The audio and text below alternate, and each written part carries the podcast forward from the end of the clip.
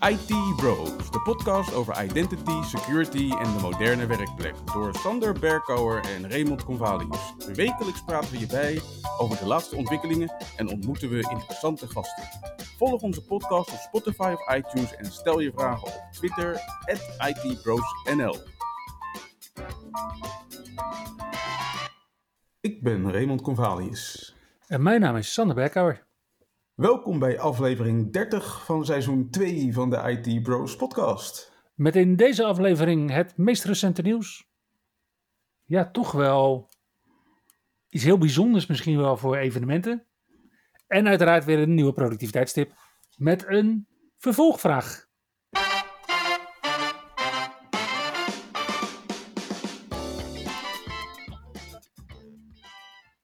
En we beginnen natuurlijk gewoon met het meest recente nieuws. En ja, dan is mijn vraag eigenlijk: is het nog een nieuwsweek geweest met betrekking tot uh, Windows 11, Ray? Ja, eigenlijk uh, vlak voordat we konden beginnen met opnemen vandaag. kwam er nog een heleboel nieuws bij, maar er was sowieso best wel wat nieuws over de afgelopen week.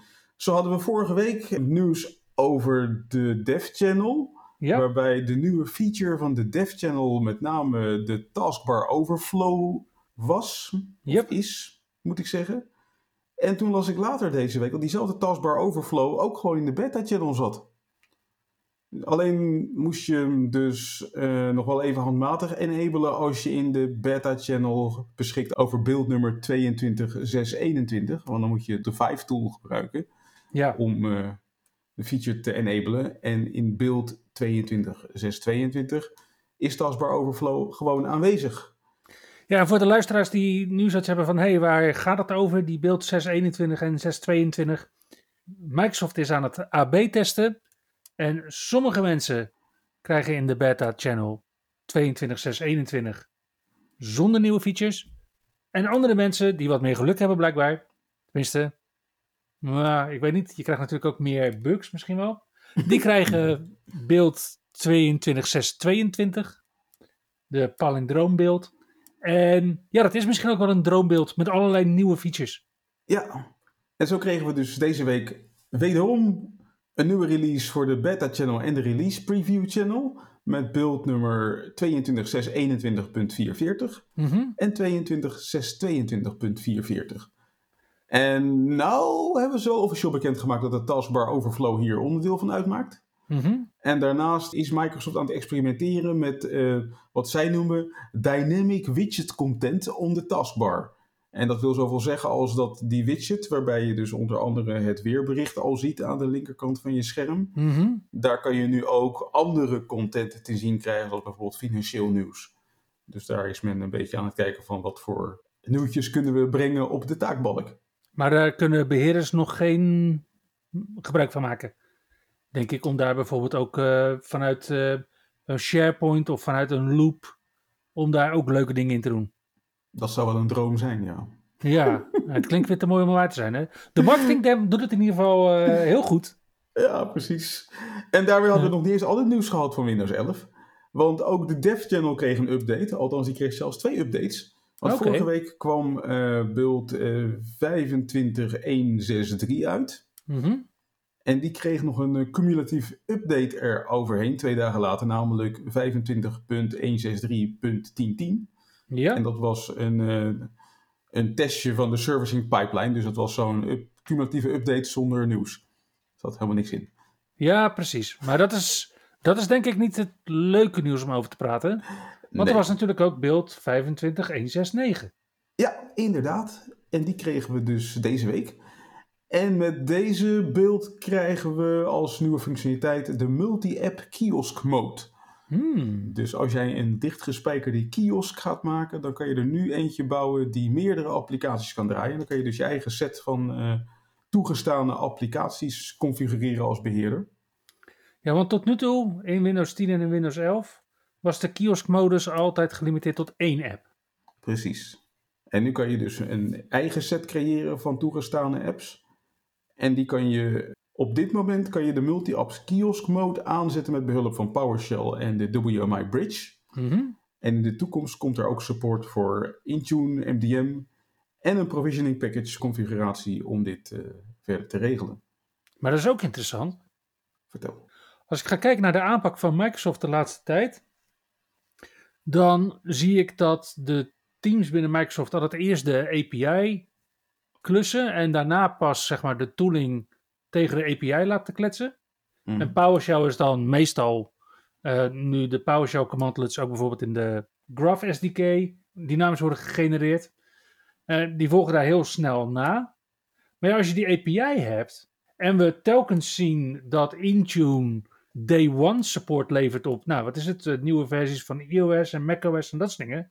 Dan vind ik het gek dat, dat die Intune ondersteuning voor die multi-app kiosk mode er dus gewoon nog niet is. Nee, inderdaad.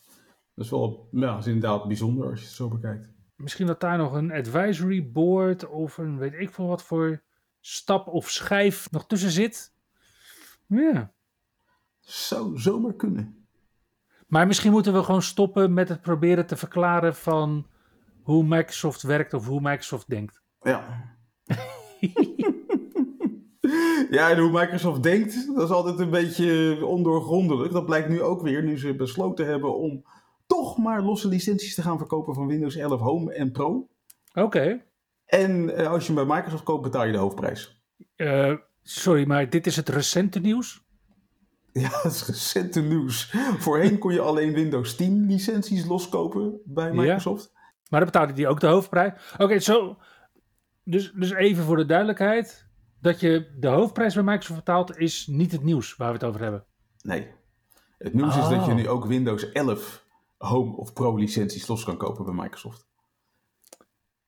En als je dan uh, toch uh, geïnteresseerd bent om bij Microsoft te kopen, de Home licentie kost 145 euro en de Pro licentie kost 259 euro. Ja, en als je dan kijkt dat je bij de grote game laptops uh, eh, 100 euro kunt besparen als je daar Windows niet bij koopt, ja, dan zie je dus nu inderdaad wat het dan kost als je het alsnog los wil kopen. Ja. Bij Microsoft. Inderdaad. En dan was er nog uh, nieuws over de updates van de afgelopen maand. Het blijkt namelijk dat een deel van de updates voor Windows 11 over juni is uh, teruggetrokken. Omdat er problemen waren ontstaan met het startmenu. Oh, dat is wel redelijk cruciaal. Nou ja, het startmenu ik heb het gevoel dat het een, het, meest buggy onderdeel is van Windows 11 tot nu toe. Het enige proces wat ik regelmatig zie crashen of wat ik moet herstarten op mijn machines, mhm. dat is het Explorer.exe proces, omdat het startmenu het weer eens een keer niet doet. Ja, maar de meeste innovatie zit toch juist ook in Explorer in het startmenu in Windows 11?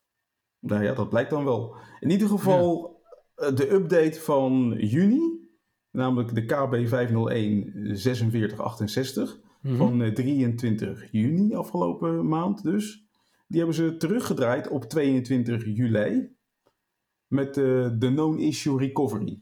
Dus die wordt automatisch voor je teruggedraaid. Eh, en als je daar haast mee hebt, kan je dat versnellen door je PC even opnieuw op te starten. Ja, en het nieuws blijft niet alleen bij Windows 11, want ook Windows 10 kreeg een update. Tenminste, de Windows Insiders op Windows 10 als je namelijk als Windows Insider Windows 10 draait, dan krijg je nu in de Release Preview Channel beeld 19045 Punt 1865. Ja. Er is nog uh, geen changelog beschikbaar. Maar ik denk dat we binnenkort wel horen wat de nieuwe features zijn. Ja, er is wel iets bijzonders aan de hand met deze Windows 10 22H2 release preview. Namelijk, je kan hem installeren zonder dat je Windows Insider bent. En het enige wat je daarvoor hoeft te doen, is eh, de installatie van KB 501 5684. En die kan natuurlijk gewoon los downloaden inderdaad uit de update catalog. Precies. Nice. Alright. Ja, als we dan toch met KB-nummers aan het strooien zijn, uh, Ray. Mhm. We zagen afgelopen week ook de preview-updates. En bij Microsoft krijgen deze rugnummers 7C mee. Waarbij 7 voor de maand juli staat en C voor de derde week in juli. Mhm. En dit zijn de preview-updates. En de preview-updates daar kunnen proactieve beheerders mee uit de voeten door nu al te kijken of de functionaliteit die Microsoft biedt in deze preview updates hen daadwerkelijk helpt in het beheren van Windows-apparaten. En de preview-updates, sorry, de geadresseerde functionaliteit en nieuwe features in de preview-updates zijn standaard ook onderdeel van de B-releases. Dus dat wordt dan de 8B-release, mhm. de, de Patch Tuesday, zeg maar, voor augustus. Ja. Die we over twee weken zien. Maar nu kun je dus al voor Windows 11, Windows 10 21H2, Windows Server 2019 en bijvoorbeeld Windows Server 2022 al genieten van een aantal dingen die zijn geadresseerd. Nou, voor al die besturingssystemen die ik net opnoemde, heeft Microsoft een issue geadresseerd, waardoor bepaalde troubleshooting tools niet konden worden geopend. Dat kunnen ze na het installeren van deze preview update wel. En als we dan kijken naar Windows 11 en Windows 10 21H2, dan zien we twee nieuwe features die in allebei de 7C updates voor deze besturingssystemen beschikbaar zijn. En dat is namelijk dat je nu belangrijke notificaties in de Focus Assist modus kunt gebruiken. Dus als iets echt belangrijk is, dan kan je toch door je Focus Assist modus heen breken. En in Windows Update zien we dat de one-time use restriction voor self-deploying mode is verwijderd. En we zien dat Microsoft de zichtbaarheid van user principal names in de user-driven mode voor approved manufacturers weer terug heeft gebracht. Nou, op Windows 11 kun je daarnaast fijner gebruik maken van de File Explorer. Want er waren namelijk twee issues. Als jij een toetsenbord hebt met play en pause knoppen. En daar ging je lekker op los. En volgens mij hebben we daar nooit een productiviteitstip over gehad. Maar uh, ik vind het, vind het er nu eigenlijk misschien wel een waard. Maar als je flink op die play en pause knoppen aan het hengsten was. Dan kon File Explorer er gewoon mee stoppen. nou, hmm. Microsoft kon er zelf ook om lachen. Vond het geen feature, maar een bug. En heeft dat dus geadresseerd in Windows 11.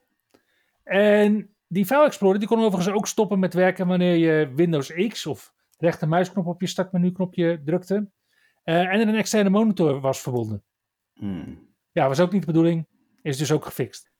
Nou, bij Windows 10 21H2 was er daar nog een issue met sommige docking stations. En die boden geen netwerkverbinding meer aan wanneer het apparaat uit slaap kwam.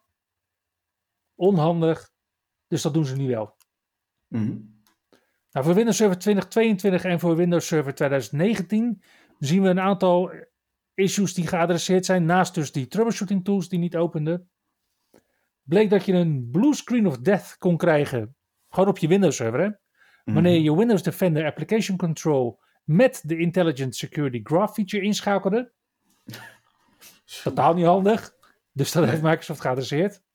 En Microsoft heeft in Windows Server 2019 en 2022 een optie toegevoegd om de alternate login ID te negeren in de ingebouwde ADFS Multifactor Authentication Adapter. Nou, die feature kan je aanzetten met PowerShell. Als je daarna de ADFS-service herstart, dan negeert hij dat netjes. Daarnaast was er een issue met de Storage Migration Service. Dat is ook interessant, hè? De Storage Migration Service. Echt een super tool om je fileserver vanaf Windows Server 2003 en hoger te migreren naar een nieuwere versie van Windows Server. Alleen wat doet Microsoft nou? Dan noemen ze dat ding vervolgens SMS. maar er is al een Microsoft, tenminste, maar er was al een Microsoft product wat SMS heette. Namelijk de voorganger van SSCM, de voorganger van Endpoint Manager. Tja. Dus maar goed, SMS, die, ja, die kwam nooit eigenlijk uh, klaar met zijn werk wanneer een server veel shares had. En nu wel. Oké. Tja. Nou, zoals ik al eerder zei, nou, proactieve beheerders kunnen hiermee aan de slag. Ja, net als eigenlijk met een aantal features in Azure AD kwam ik uh, van de week weer achter. Tenminste, ja, mits je natuurlijk in het Azure portaal kunt, want dat lag er deze week eventjes uit.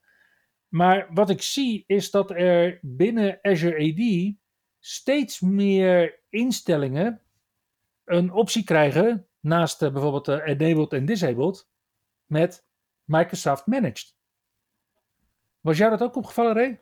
Ja, ik heb het een aantal keren voorbij zien komen en het is, het is echt opvallend. Ja, Ja, wat Microsoft daarmee wil gaan doen is zodra zo'n feature generally available is. Dus het zijn vooral features die dus nu nog in public preview zijn. Mhm. Maar zodra ze dus GA gaan, dan gaat Microsoft de functionaliteit na verloop van tijd standaard inschakelen. Nou, dan denk je van ja, welke features zijn dat dan? Nou, vandaag uh, was ik even aan het rondklikken. En toen zag ik uh, het in ieder geval bij de registration campaign.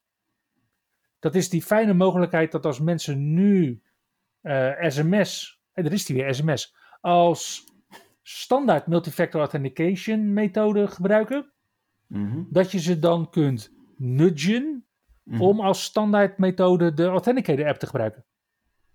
Okay. Super handig, want sms-berichten als multifactor authentication methode zijn nou niet de meest veilige manier. En NIST raadt het ook alweer een tijdje af om dat te gebruiken.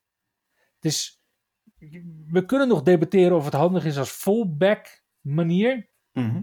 Maar in ieder geval als je de registration campaign aanzet, dan kun je als beheerder proactief natuurlijk al kijken waar het eventueel fout gaat. En kun je daar al op, op inspelen. Als je gaat wachten totdat Microsoft dit gaat managen, zou het best wel eens kunnen zijn dat je voor hele nare verrassingen kunt komen.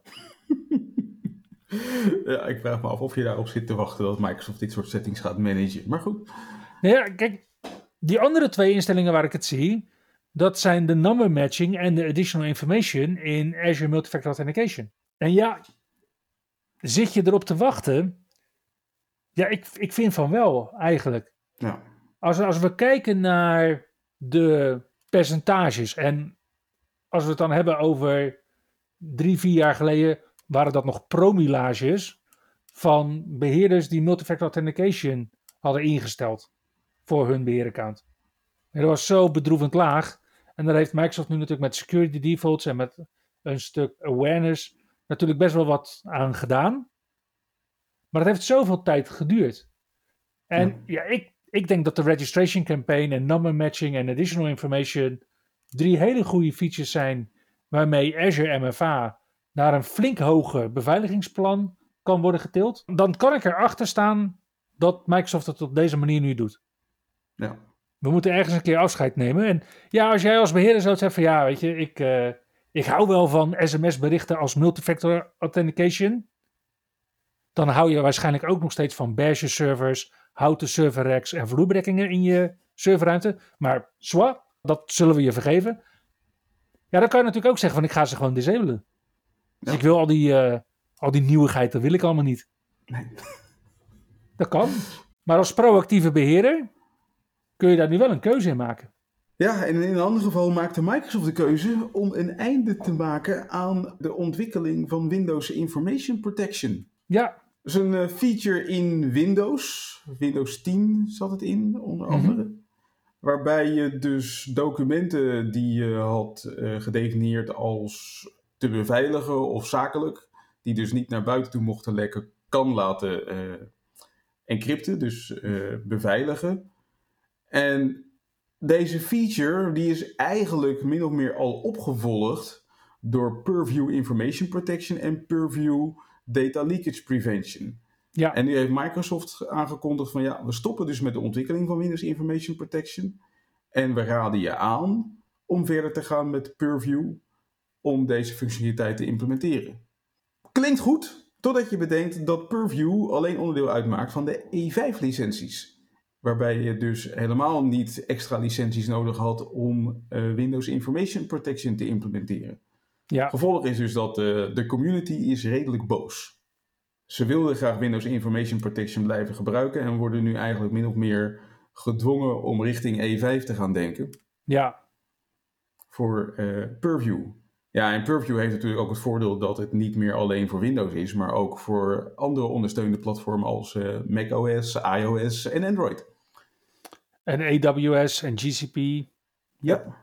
Dus ja, Microsoft uh, zal hier ongetwijfeld niet in bijdraaien. En uh, het wordt dus tijd om uh, serieus te gaan kijken naar Purview als je van plan was om je documenten verder te beschermen.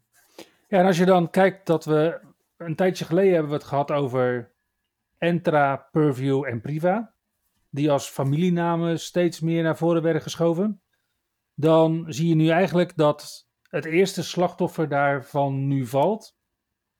En het dus inderdaad veel meer richting die E5 kantelt. Stiekem moeten we dan natuurlijk zeggen Microsoft 365 E5. Mm Want je kon natuurlijk Windows Information Protection wel gebruiken met Office 365 E5. Dan zou je dat kunnen combineren met EMS E3 bijvoorbeeld. Dat is voor sommige organisaties een goedkopere optie dan de hele M365 E3 of M365 E5 suite. Ja.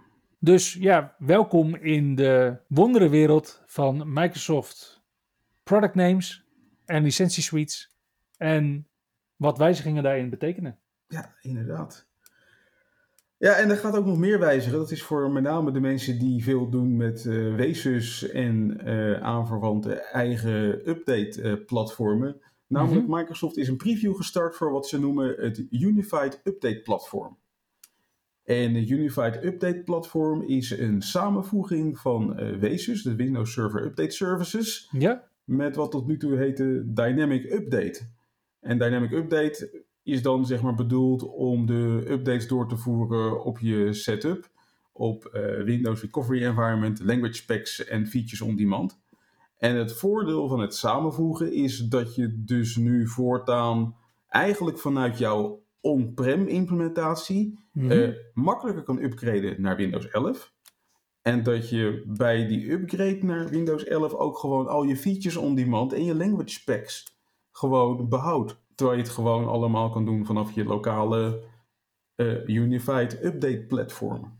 Zou je dan kunnen zeggen dat de feature set van System Center Configuration Manager nu eigenlijk een beetje uiteenvalt? Aan de ene kant natuurlijk richting Intune en Endpoint Manager voor alles wat cloud gebaseerd is. En dat het Unified Update platform dan zeg maar de, de on-prem feature set overneemt. Nou, ik denk eerder dat je moet zien dat het Unified Update Platform een soort van uitbreiding is geworden van Wesus. Ja. Waarbij je dus Wesus ook al nodig had als je uh, Configuration Manager on-prem gebruikte voor je klopt. updates. Ja, klopt. En door het nu uit te breiden, hè, krijg je dus gewoon een meer complete uh, Endpoint Configuration Manager. Die dus nu, behalve zeg maar je updates gewoon goed kan verzorgen, ook gewoon gelijk servicing kan doen richting je language specs en je features on demand. Hé, hey, maar dit zou ook de deur kunnen openen voor al deze features binnen Autopatch dan. Wie weet, wie weet. Hmm. Dat klinkt dan wel weer heel erg goed. Ja, maar in ieder geval, uh, de preview is gestart. Daar kan je je nu voor inschrijven. En als je niet zo een haast hebt om de private preview deel te nemen, later dit jaar wordt de public preview verwacht. Dus uh, er liggen mogelijkheden. Unified Update Platform. Dan ja, was er ook nog wel wat nieuws rondom uh, security lekken de afgelopen week. Blijkt namelijk dat er een hacker een dataset heeft aangeboden van 5,4 miljoen Twitter-gebruikers. Oké. Okay. En deze dataset schijnt te zijn samengesteld in de maand januari, toen er een kwetsbaarheid is ontdekt bij Twitter, waardoor je zonder in te loggen bij Twitter van alle Twitter-gebruikers de Twitter-ID kon opvragen, samen met het bijbehorende telefoonnummer en mailadres. En ja, blijkbaar heeft dus iemand al die informatie uit Twitter getrokken. En die is er nu de boer mee opgegaan om uh, deze dataset te verkopen. En volgens mij wilde die daar 30.000 dollar voor hebben. In ieder geval, uh, Twitter is onderzoek aan het doen of het verhaal klopt en of ze er nog iets aan kunnen doen. Maar vooralsnog, als jij Twitteraar bent en je wordt benaderd met je Twitter-ID en wellicht mailadres of telefoonnummer wat daarbij hoort, um, ja, word je toch wel verzocht om even extra op de hoede te zijn. Ja.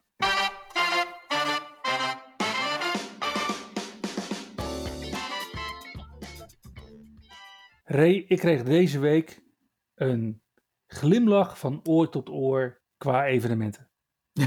Daar kan ik me iets bij voorstellen. Eindelijk, eindelijk werd de nieuwe Ignite-conferentie aangekondigd door Microsoft. En niet zomaar één, maar een fysieke Ignite. Ja, maar dan wel met een uh, aantal uh, bijzondere opmerkingen daarbij. Namelijk uh, vanaf woensdag 12 tot en met vrijdag 14 oktober aanstaande is het inderdaad tijd voor de Ignite-conferentie 2022. En die wordt mhm. gehouden in Seattle. In het Seattle Convention Center, ja, zag ik. En dat is al bijzonder, want eigenlijk worden conferenties, althans de Ignite of TechEd conferenties, nooit in Seattle gegeven. Nee, ik kan me wel herinneren dat volgens mij waren wij in 2011 een keer voor een conferentie in het Seattle Convention Center. Ik ben er wel eens geweest voor een conferentie, maar het was altijd een kleine conferentie en nooit de flagship conference, om maar even zo te nee. zeggen. En dat is nu dus wel het geval. En, en daar zit ook denk ik de grote adder onder het gras. Want Microsoft zegt wij hebben een fysiek evenement georganiseerd waarbij we zeer beperkt ruimte hebben voor fysieke deelname. En wat is dan zeer beperkt? 3500 seats. Oh, wauw. Terwijl de laatste Ignite uit 2019, daar kwamen naar schatting 20.000 mensen op af. Dat bedoel ik. Dat is inderdaad wel flink minder, ja. ja. En, en daarnaast, zegt Microsoft, zullen we lokaal de mogelijkheid bieden om het evenement bij te wonen op zogenaamde spotlight locaties. Verder kan je het evenement uiteraard ook virtueel volgen. En meer nieuws gaat volgen. Ondertussen begint natuurlijk wel de geruchtenmachine rond, flink te lopen rondom ja, uiteraard. En ja, uh, aangezien het tien jaar geleden is dat de Surface-apparaten werden gereleased in oktober, mhm. verwacht men nu ook dat er een, uh, ja, uh, een, een jubileum-editie van de Surface-apparaten gaat verschijnen deze maand oktober. En wellicht tijdens de Ignite-conferentie. Ah. En wat ik ook las is dat virtuele deelname aan de Ignite-conference gaat waarschijnlijk gratis zijn. Mhm. En de in-person, daar zal natuurlijk een prijskaartje aan zitten, los van hotel en reis, maar ook inderdaad voor de, voor de toegang. Misschien dat dat voldoende is om ook voor ons twee plekjes nog uh, open te houden. We zullen het zien. Ik ben heel benieuwd. Ik ben razend benieuwd.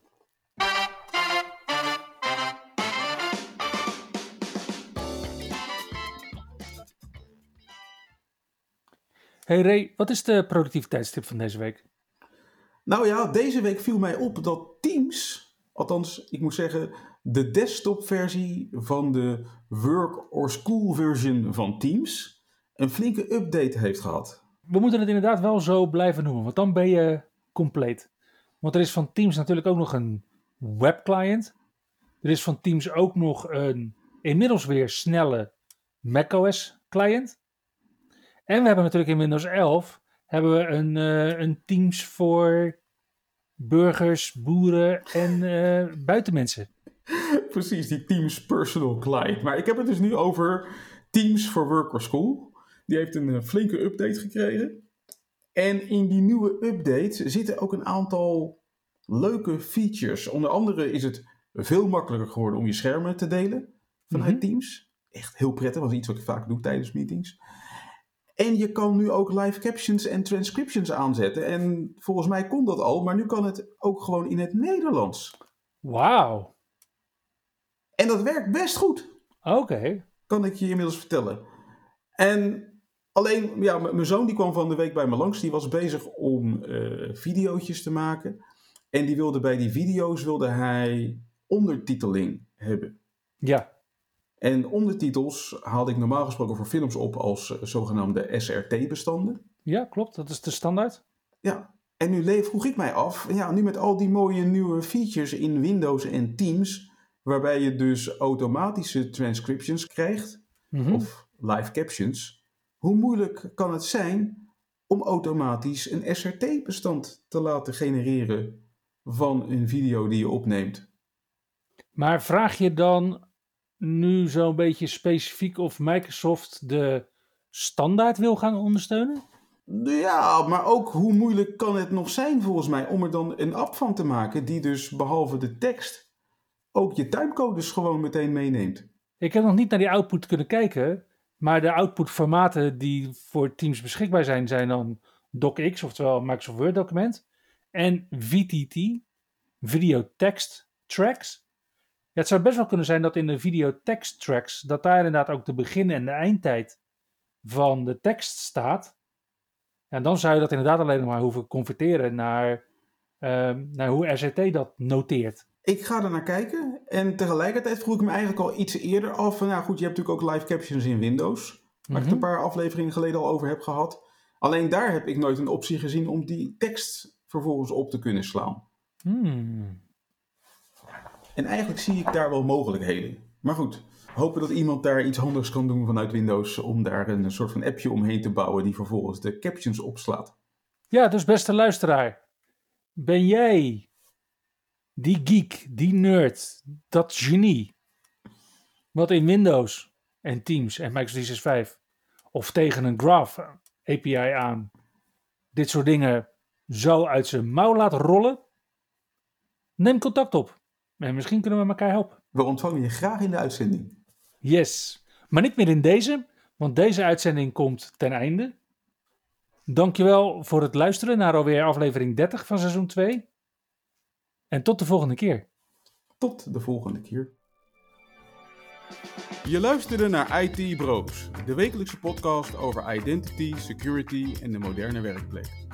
Abonneer je op Spotify, iTunes of Google Podcast als je de volgende aflevering niet wilt missen. Heb je hints of tips? Laat dan van je horen op Twitter. @itbrosnl